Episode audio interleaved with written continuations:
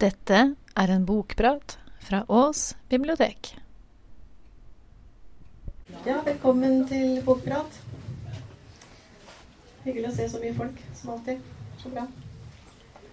Eh, Jeg heter Elin, og jeg skal snakke om ei bok av Lars Saabye Christensen som heter 'Byens spor'. eh, Med undertittel 'Evald og Mai'. Eh, Det kan Det er mulig jeg virker litt ensidig nå, fordi for noen uker siden da jeg hadde siste bokprat, så snakka jeg om eh, 'Alle elsket moren din' av Toril Brekke, som er en oppvekstroman fra Oslo. Og nå er jeg jo tilbake i Oslo igjen, sånn i nær fortid. Men denne boka gikk så rett til hjertet på meg at jeg greide ikke å la være. Og den er jo da også veldig forskjellig da fra, fra Toril Brekke sin. Tida i romanen eh, til Saabye Christensen er eh, fra 1947 til 1951. Og dette er første bind i eh, en Jeg vet ikke hvor mange som kommer, men han har lovt å skrive flere som følger opp. Stedet er Fagervår, vår, Majorstua og særlig Kirkeveien, der det bor en liten familie som heter Christoffersen. Det er Evald, og det er Mai, og det er Jesper. Og det er også etter hvert lille Stine. Evald er teknisk tegner. Han jobber i et reklamebyrå i Oslo som har fått i oppdrag å lage utstilling til 900-årsjubileet i Oslo. Det er store greier, mye som foregår, og rådhuset eh, vårt det står akkurat ferdig nå. Det skal innvies. Mai er hjemmeværende husmor. Hun er opprinnelig fra Hurdal. Og hun er som uh, hudølinger flest, er min erfaring i hvert fall, uh, av hel. Hun er en sentral uh, person i, i romanen og er, um, har mange tråder hun må trekke i og må takle mye. Så har det Jesper. Han er sju år. Han eh, har ikke begynt på skolen ennå, for han er ikke skolemoden, som det het på den tida. Og det er noe med eh, Jesper. Ikke fysisk, men eh, væremåten hans. Han, eh, han kan være vrang, han er uforutsigbar. Og like plutselig så er han helt apatisk og tom i blikket. Og Mai er jo litt bekymra, da. Syns det er noe rart. Men eh, når hun oppsøker lege, så sier de det at nei, Jesper er bare en følsom gutt. Men jeg tror at i dag så ville han ha fått en diagnose. Evald er en mann som en lett kan bli litt irritert på. Men han kan også smelte hjerter. Han eh, har nok ikke noe særlig sterk ryggrad. Han eh, har veldig lett for å la seg friste til å gå til en tur innom baren i Bristol eh, etter arbeidstid sammen med kollegaene. Og dette er en typisk scene fra familien Christoffersen. Han vet bare hvorfor han har dårlig samvittighet. Det er Jesper. Jesper er et slit. Å være borte fra ham er en lettelse. Jesper er ikke et fredsbarn, han er krigens. Evald Christoffersen reiser seg og går det siste stykket. Han er en dårlig far. Han er elendig. Nå fryser han. Han burde hatt med noe til Jesper. Han burde hatt med en blomst til Mai. De sitter på kjøkkenet og venter. Mai hører at han endelig kommer. Han romsterer i entreen. Han skifter klær på soveværelset. Han blir lenge på badet. Han tar sin tid. Denne gangen er hun ikke nådig. Han er to timer for sen. Jesper ser ned og knytter begge nevene. Men når Evald Christoffersen viser det runde ansiktet sitt i døråpningen og smeller med bukseselene så magen ruller over beltet, gir hun seg likevel over. Selv Jesper slapper av et øyeblikk og stikker den ene hånden i lommen. Far i huset tar plass ved bordet. Grøten er kald, sier Mai. Vi fikk oppdraget av Oslo kommune. Så da har dere vel feiret litt, da. Bare en liten hivert på briss. Evan legger konvolutten foran Mai. Hun åpner den, teller med raske fingre og ser på ham. Én hivert? Det var min tur til å legge ut. Var det ikke det forrige lørdag også? Jeg vil nødig gå for å være teit. Teit. Snakk ordentlig, Evald. Gnien. Nei, gnien kan du overlate til meg. Så kan du være Flåttenheimen så lenge. Evald Christoffersen fester servietten mellom de øverste knappene i skjorten. Dessuten er kald grøt livretten min, sier han. Han spiser det som er igjen, skraper til slutt den dype tallerkenen og slikker skjeen. Da trekker Jesper hånden opp av lommen og legger noe på bordet. Det er en mariekjeks. Evald ser på sønnen. Til meg? Jesper nikker. Evald Kristoffersen får tårer i øynene. Han har alltid vært lettrørt. Gutten er god på bånden. Han skynder seg ut i entreen og kommer tilbake med noe likevel.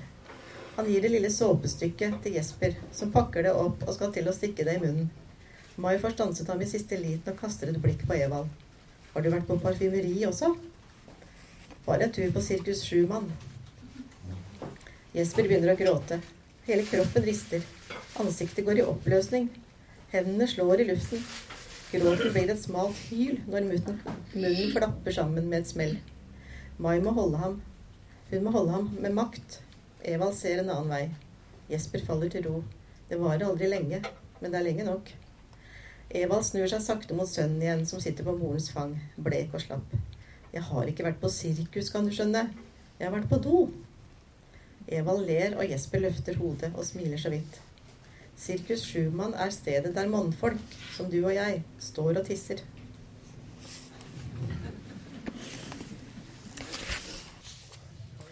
Røde, Røde Kors spiller en viktig rolle i boka. Det høres kanskje litt underlig ut, men uh, Saabye Christensen har uh, minner fra sin egen barndom, da, der moren var uh, medlem av Røde Kors, og han har dyp respekt for den jobben de gjorde. Eh, og Mai blir verva i lokalforeningen Fagerborg og gjør en veldig bra jobb som kasserer der. Og hvert eneste kapittel i boka, og det er mange kapitler, eh, de avsluttes med et referat fra et årsmøte eller et arbeidsmøte eller et styremøte eller en, et arrangement i regi av Røde Kors. Og disse, dette gjør, gir et veldig godt Eh, bilde av Oslo. For det er sånn rett etter krigen. For da er det eh, fremdeles en god del nød. Eh, og det er mange som ber om hjelp. Samtidig så er det et stort antall med hjemmeværende kvinner som har tid til overs, og som har en enorm arbeidsiver. Og gjør en utrolig bra jobb. Og så får vi også et bilde av hvordan disse kvinnene omgås hverandre. Og de er veldig veldig korrekte og veldig formelle. Ordentlige damer. Eh, jeg bare har valgt meg et eh, helt tilfeldig Et helt tilfeldig kapittel fra disse eh, Røde Kors-referatene.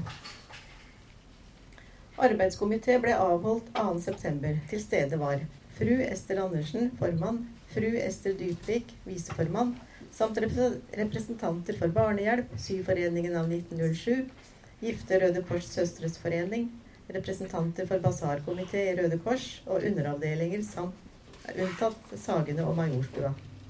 Til behandling forelå først og fremst Røde Kors-uken, som åpnes 10.9. i kringkastingen. Den 17. og 24. september trekkes før omtalte Elna symaskiner. Et ballongsalg skal foregå over hele byen fra 10. til 24. september. Avdelingene har anledning til å selge sitt, i sitt distrikt.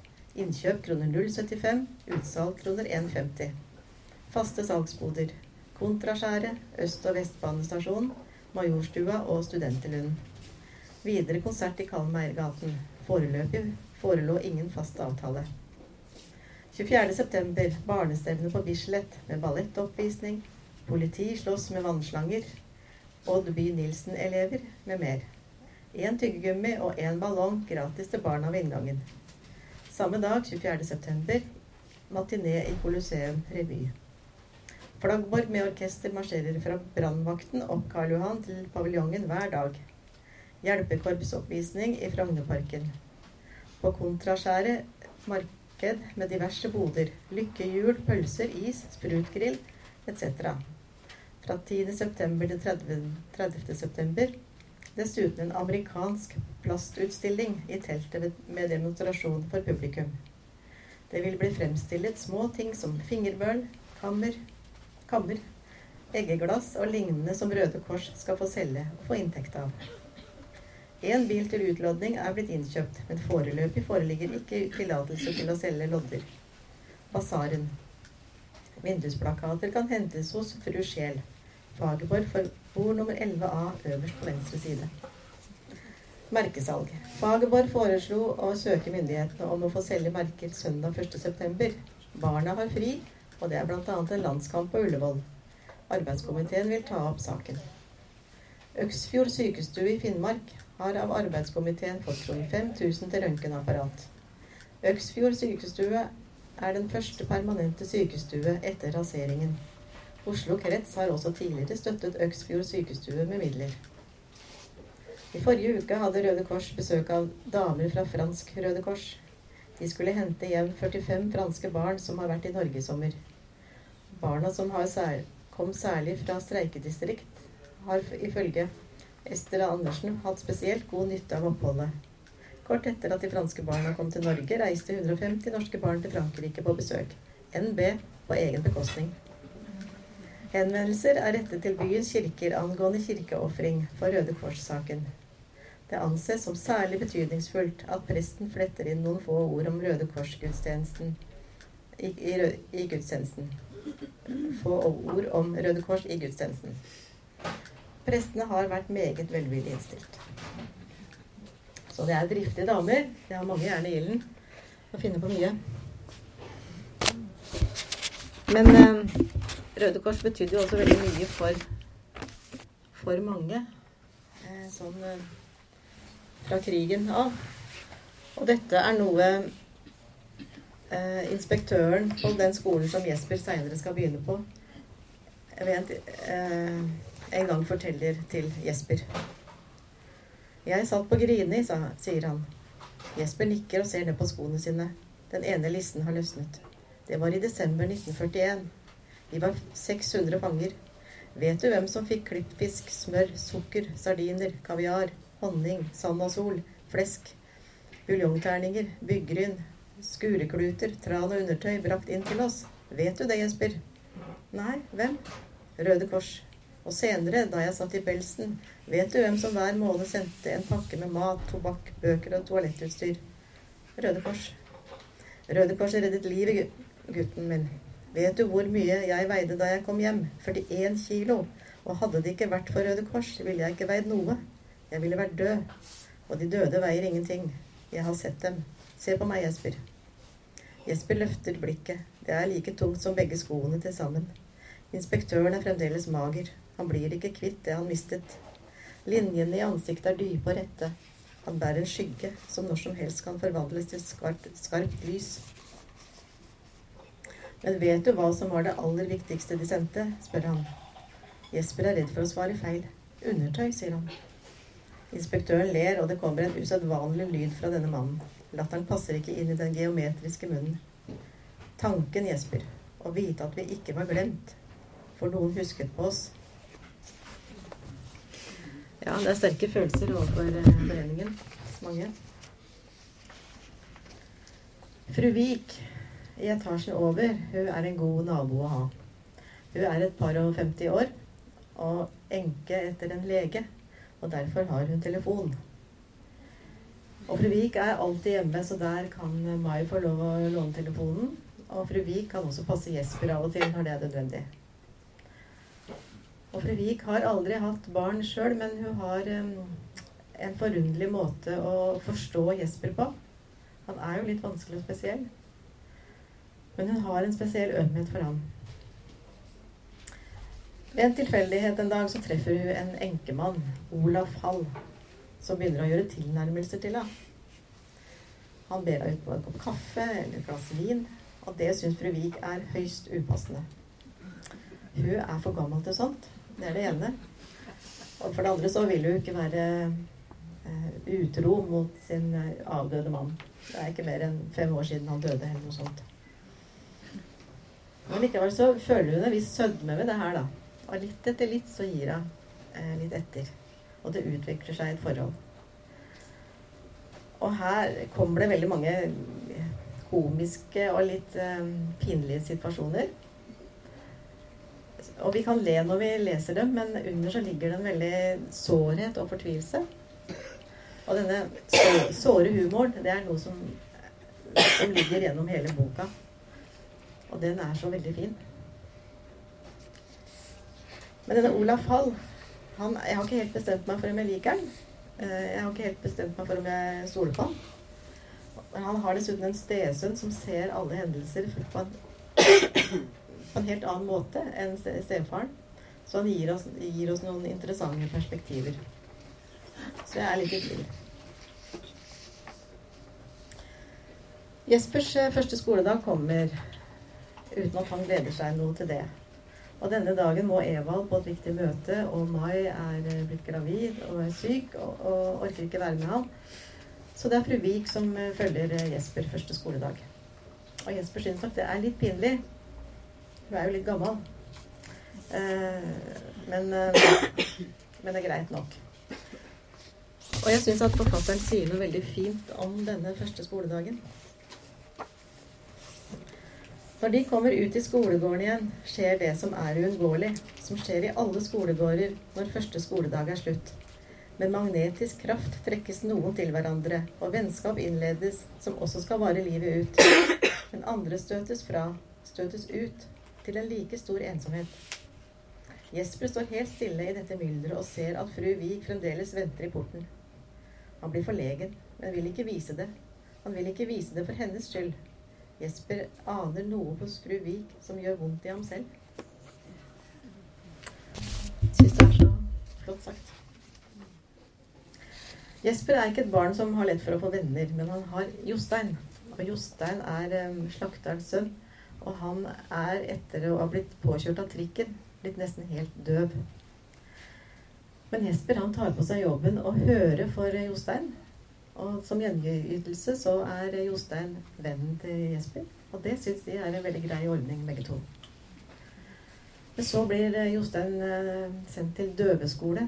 Og det blir en um, tragedie både for Jesper og for Jostein sjøl og hele familien hans. For der på den døveskolen råder det fæle forhold. Det er ikke bare bare å være forelder til Jesper, for han kan finne på ting. Og før jul så går Mai og Jesper til varehuset Sten og Strøm for å kjøpe julepresang til Evald. Og Mai eh, vet at hvis hun skal få noe julepresang, eh, så må hun ordne det sjøl. Så eh, så hun gir Jesper 42 kroner til en flakong 4711. Og så ber hun om å gå, den, gå Jesper å gå til parfymedisken og, og kjøpe den og få den pakka inn. Og han kommer tilbake med 7 for 11 uinnpakka. Og det syns hun er litt uh, synes det er litt dårlig gjort av ekspeditrisa.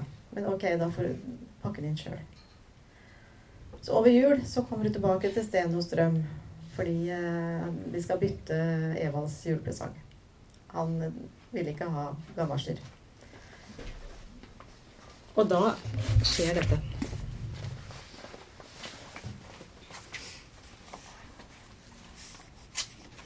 Mennene kommer nærmere, alvorlige og bestemte. Den ene stiller seg bak Jesper. Den andre tar Mai i armen. Bli med oss, er de snill. Hva? Vennligst ikke lag noen scene. Bare bli med oss.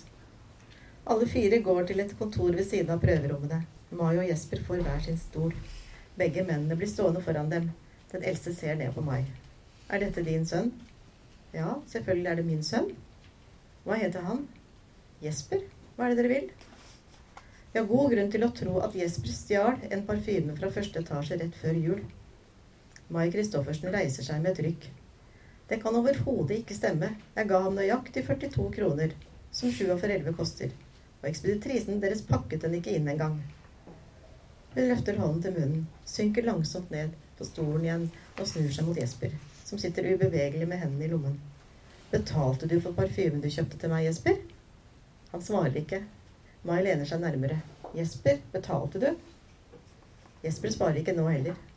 Mai tåler snart ikke mer. Det renner over. Hun rister i ham. Hodet hans dingler fra side til side. Hun gir seg ikke. Den yngre mannen må til slutt stoppe henne. Den andre spør. Er de sikre på at de ikke ba sønnen deres gjøre det? Mai trekker pusten. Gjøre hva? Stjele flakongen, frue. Hvordan, hvordan kan de i det hele tatt tro noe slikt? De tok dem svært god tid her inne. Mai slipper pusten ut i et hulk og gjemmer ansiktet i hendene. Jesper vipper fram og tilbake på stolen. Den eldre mannen gir Mai en neseduk. Hun snyter seg i den. Plutselig faller Jesper forover og lander på gulvet. Der blir han liggende på magen. Mai slipper neseduken, setter seg på huk og prøver å snu Jesper rundt. Slo det deg? Slo det deg, Jesper? Han vil ikke snu seg. Han gjør seg tung og umulig. Mai legger kinnet inntil han. Han smiler. Smiler han? Jesper smiler. Mai får ham omsider på bena. Han klarer å stå. De to mennene er åpenbart lei av hele opptrinnet. Den yngste åpner døren. Den eldre lar den hvite niseduken ligge og lener seg nærmere. De skal aldri vise dem på Sten og Strøm mer, frue.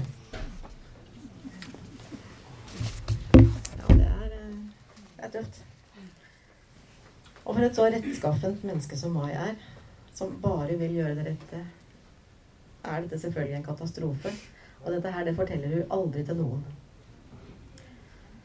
En annen episode som derimot blir godt kjent, både på skolen og blant Røde Kors-damene, er eh, det jeg skal lese nå. Her er altså Jesper satt til å selge Røde Kors-merker.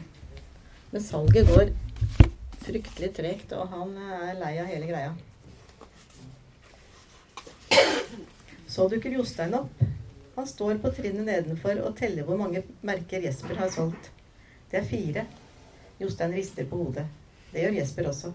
Det begynner å blåse. De søker ly inne i passasjen, men der er det gjennomtrekk og enda verre. Jostein får en idé. Han kan i stedet prøve å selge merker en stund. Han bare hekter platen av Jesper, henger den rundt halsen og stiller seg opp på trappen. Jesper stikker hendene i lommen og blir stående. Jostein virker enda mer hjelpeløs enn før. Hodet hans henger på skakke. Geipen henger også. I det hele tatt ligner han en stakkar. Jesper liker ikke å se Jostein slik. Han bare gjør seg til. Men merker selger han. Når folk får øye på ham, kan de liksom ikke la være. Det går unna. Han er utsolgt før tiden, rusler fornøyd tilbake til Jesper og gir fra seg det tomme brettet. Men når de har telt opp pengene, er det for mye. Jesper teller en gang til. Det stemmer. Nei, det stemmer ikke.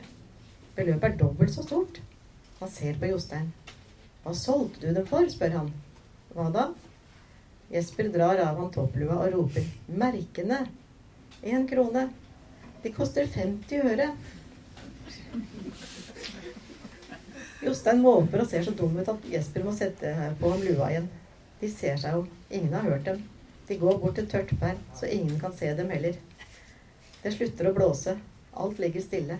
Når Jostein har solgt 26 merker for 1 krone stykket i stedet for 50 øre, blir det 13 kroner til overs. Det er Jostein som regner ut. Det er en formue. Hva skal de gjøre med den? Skal de levere alle pengene til Røde Kors, som deretter kan oppspore den enkelte kjøper? De vet godt hva de skal gjøre med formuen, men vil ikke innrømme det. Jesper skriver seks og en halv i snøen. Jostein nikker og føyer til på hver. De står en stund og ser på bokstavene. Tørtbergjordet er verdens største ark. Så begynner det å snø. Snøen er et viskelær som stryker ut alle bevis. Men så er det en oppvakt kjøper, da, som eh, sier fra til Røde Kors at hun har betalt for mye for det merket hun har, eh, hun har kjøpt. Og så rulles saken opp. Og det blir stor skandale, og det blir eh, strenge straffer på gutta. Nasjonalforeningen for folkehelse de har begynt å få utstyr til å undersøke folk, til å skanne dem. Og Evald og kollegaene de blir innkalt eh, til undersøkelse.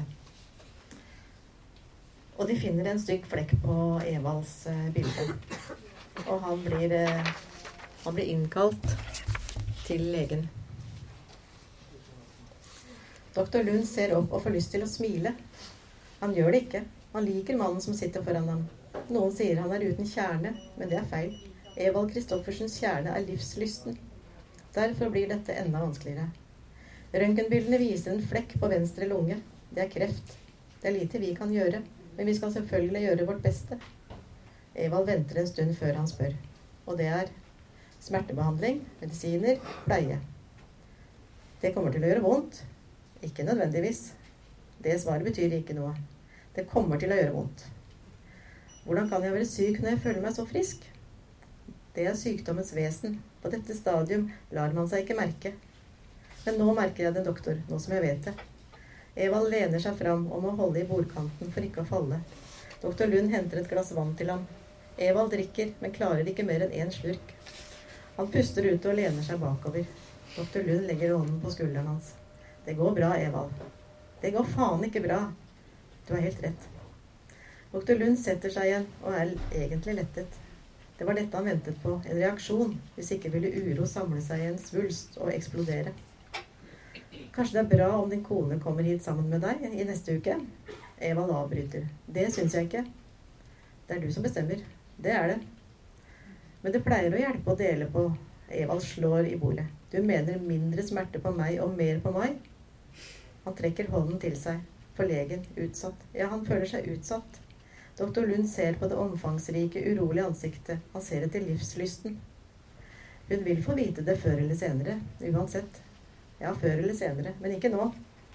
Som sagt, det er du som bestemmer. Jeg får bare fylle bur med luft og strø pepper på maten. Jeg forstår ikke et ord hva du sier. Den tid, en sorg, falt mot. Evald Kristoffersen reiser seg. Doktor Lund gjør det samme. De to mennene blir stående og se ut av vinduet. Trærne i midtrabatten i Kirkeveien begynner å få høyde. Bladene er fremdeles grønne. Klokken er ennå ikke halv ett. Vi kommer til å ha en del med hverandre å gjøre den neste tiden, sier doktor Lund. Nei, det er vel ikke til å unngå. Hva skal du si til Mai hver gang du har en avtale her eller på Rikshospitalet? At jeg skal på Bristol? Ja, da får du holde til Selters, Christoffersen. Begge ler. Evald tar et skritt nærmere vinduet og legger håndflaten mot glasset og blir stående slik en stund. Rekker jeg å se barnet vårt? spør han. Doktor Lund ser på klokken. Den er halv ett. Um, ja. Evald snur seg mot ham. Det lille svaret brukte du lang tid på. Doktor Lund møter blikket hans, og det er ikke plass til tvil. Du rekker å se barnet, sier han. Og Evald, han sier ingenting til meg. Men det setter jo i gang en del tankeprosesser hos ham. Og han føler trang til å, å, bli snillere og bli mer oppmerksom og være mer sammen med Mai og Jesper og det nye barnet som snart skal bli født. Men hvis han endrer på væremåten, så vil de jo merke at det er noe. Så han må bare prøve å late som ingenting. Men Mai merker allikevel at det er, at det er, noe, annet, er noe annerledes med han. Så hun blir mistenksom. Kanskje det er utro. Og dette er liksom gjennomgående i hele romanen. Det er så mye som aldri snakkes om. Og det er så mye tvil, og det er så mye misforståelser, og det er så mye som bare svelges. Og en dag da Mai låner fru Vik sin telefon for å ringe til Evald på jobben, så har han gått for mange timer siden, og han er ikke kommet hjem. Så da går Mai til sentrum, og der får hun øye på han utenfor Rikshospitalet. Han står eh, ved inngangen. Så hun tenker å jaha, det er en sykepleierske, ja. Mm. Men, eh, men de, de, snakker sammen, da. Og hun får vite hva det er. Og hun, han skal på undersøkelse, og hun blir med. Og Mai er som sagt en tøffing. Hun eh, ta, prøver å ta det med fatning. Og i Røde Kors står hun på som før. Og nå leser jeg et lite utsnitt av en sånn referat, da. Fru kasserer Mai Christoffersen tok opp ordningen fra 1948 med pasientvenner og mente at faget vår krets burde engasjere seg mer i dette. Både når det gjelder utdannelse og virksomhet. Vi har tross alt Ullevål sykehus i vårt distrikt. Og i tillegg ligger Rikshospitalet, Betanien og kvinneklinikkene Josefines gate og Wergelandsveien i umiddelbar nærhet. Formannen lovet at saken ville bli viet større oppmerksomhet, og takket for innspillet. Det må også nevnes, i og med at det berørte oss alle så sterkt, at fru Mai Christoffersen etter å ha holdt sin appell fikk et illebefinnende og falt om. Heldigvis var vertinnens mann, doktor Lund, hjemme. Han kom straks til unnsetning og kunne konstatere at fru Christoffersen heldigvis ikke hadde fått hjerteslag, blodpropp eller det som verre er, men kun et nervøst sammenbrudd sannsynligvis forårsaket av større påkjenninger over tid. Livet sto ikke på spill, og det var derfor ikke nødvendig å tilkalle ambulanse. Da fru Christoffersen kom til hektene igjen, følte hun det åpenbart nødvendig å forklare eller unnskylde seg, noe hun slett ikke behøvde. Vi er alle oppmerksomme på kvinnenes daglige belastninger. Fru Christoffersen insisterte imidlertid. Hennes mann, Evald Christoffersen, har fått kreft, og det er intet håp. Vi anbefalte henne permisjon igjen fra vervet som kasserer, noe hun stilte seg uvillig til. Doktor Lund støttet hennes beslutning. For å bruke hans ord, det er viktig at livet, når det viser seg fra sin vanskeligste side, som under krig og sykdom, på best mulig måte går sin vante gang. Jeg har selv ved enkelte anledninger påpekt at personlige og private anmerkninger ikke hører hjemme i disse møtereferatene, men gjør her et unntak, i og med at denne episoden med all, med all tydelighet demonstrerer Røde Kors-kvinnenes oppofrelse, lojalitet og styrke. Det var fine ord. Men midt oppi denne tristessen, da, så skjer det noe som de har venta på lenge. Jo, de får et barn. Men det som kanskje nesten virker enda større, det er at de får telefon. Og det er veldig lenge siden de sendte inn søknad. Og så skjer det endelig.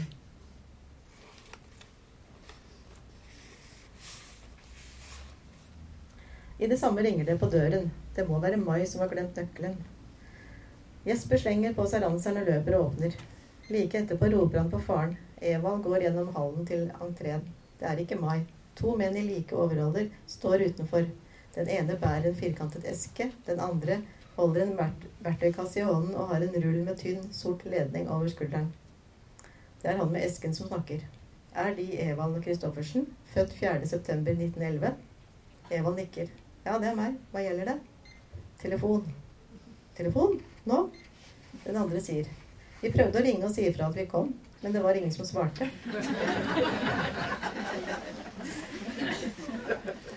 De er stille et øyeblikk. Helt stille. Så bryter de ut i latter. Eva ler akkurat like mye og slipper dem inn. Jesper hekter av seg ranselen. Dette kan han ikke gå glipp av. Og Evald har glemt alt som heter arbeid og skole. Han har glemt Mai og Stine. Han har til og med glemt døden. De skal få telefon. Det er det samme problemet som med pianoet, bare mindre, men like stort. Hvor skal telefonen stå? Den kan ikke stå i spisestuen. Det er der Jesper skal spille, og Evald vil ikke bli forstyrret når han spiser søndagsmiddag. På kjøkkenet kommer ikke på tale. Ingen har telefon på badet, og i anretningen er det for trangt til å snakke. Det må bli stuen. Montørene er dypt alvorlige igjen og trekker ikke på smilebåndet mer den dagen. Det er vanlig å ha den i hallen, sier den ene. Evald er i tvil. Der sover sønnen min, sier Evald. Jesper tar et skritt fram. Det gjør ikke noe. Evald rister på hodet. Skal du bli vekket hver natt av at telefonen ringer? Hvem ringer om natten? spør Jesper. Hvem? Ja, det kan man ikke vite før man har tatt den. Det blir i stuen. Telefonen skal stå på det lille bordet mellom sofaen og skjenken.